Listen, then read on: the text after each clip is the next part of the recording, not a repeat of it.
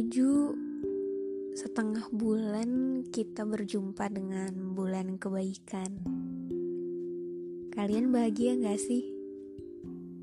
Merasa bersyukurkah karena masih bisa menjalani hari-hari di bulan penuh kebaikan ini? Kalian udah ngapain aja?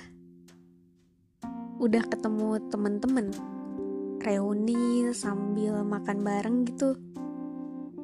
Atau kalian masih mau di rumah aja sambil melakukan banyak hal lain. Daftar rencana baik yang udah kalian bikin, udah ada berapa banyak yang kalian checklist? Apa pun itu, beruntungnya kita masih bisa merasakan suasana damai di bulan ini. Auranya selalu beda, selalu bisa ngasih kita ketenangan. Adem, damai.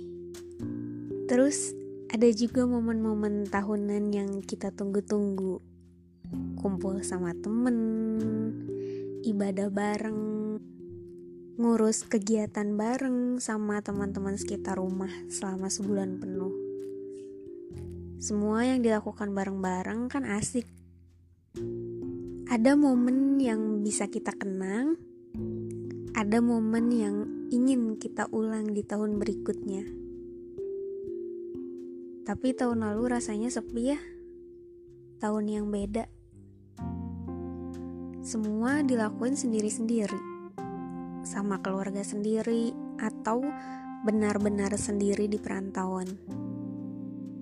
Tapi setelah saya pikir-pikir lagi, ngomong-ngomong tentang bulan kebaikan ini, tahun lalu itu justru tahun paling hikmat. Sebut aja me time dan quality time kita frekuensinya jadi lebih banyak. Karena bisa sebulan penuh melakukan hal-hal baik sama keluarga di rumah atau sama diri kita sendiri. Biasanya kan kita suka pergi ke sana kemari ya. Sibuk kegiatan kuliah, sibuk organisasi, sibuk sama kerjaan. Udah gitu, kalau ketemu sama teman-teman suka lupa waktu. Pulangnya malam, sampai nggak dirasa waktu kita di rumah ternyata sedikit. Hmm, di rumah aja ternyata membuat semuanya jadi lebih hikmat. Waktu untuk ibadah, waktu untuk bantu ibu di rumah, waktu untuk memaknai hari-hari baik terasa lebih banyak, bahkan rasanya lebih bermakna. Ternyata bulan kebaikan di tahun lalu itu jadi titik balik bagi saya sendiri. Merasakan kembali damai dengan diri sendiri. Menata kembali semuanya. Tahun ini berbeda lagi. Beda dengan tahun lalu, beda juga dengan tahun-tahun sebelumnya. Pertanyaan untuk saya, untuk kamu, untuk kita semua, apakah akan melewatinya seperti tahun lalu atau mau memulai kembali dengan kebiasaan baru? Yang mana kita juga sedang beradaptasi kan dengan kebiasaan baru di keseharian kita? Baru lewat minggu pertama.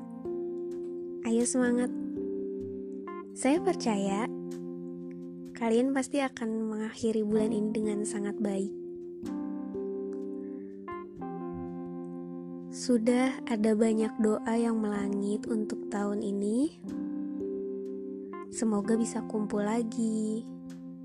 Semoga bisa pulang kampung lagi.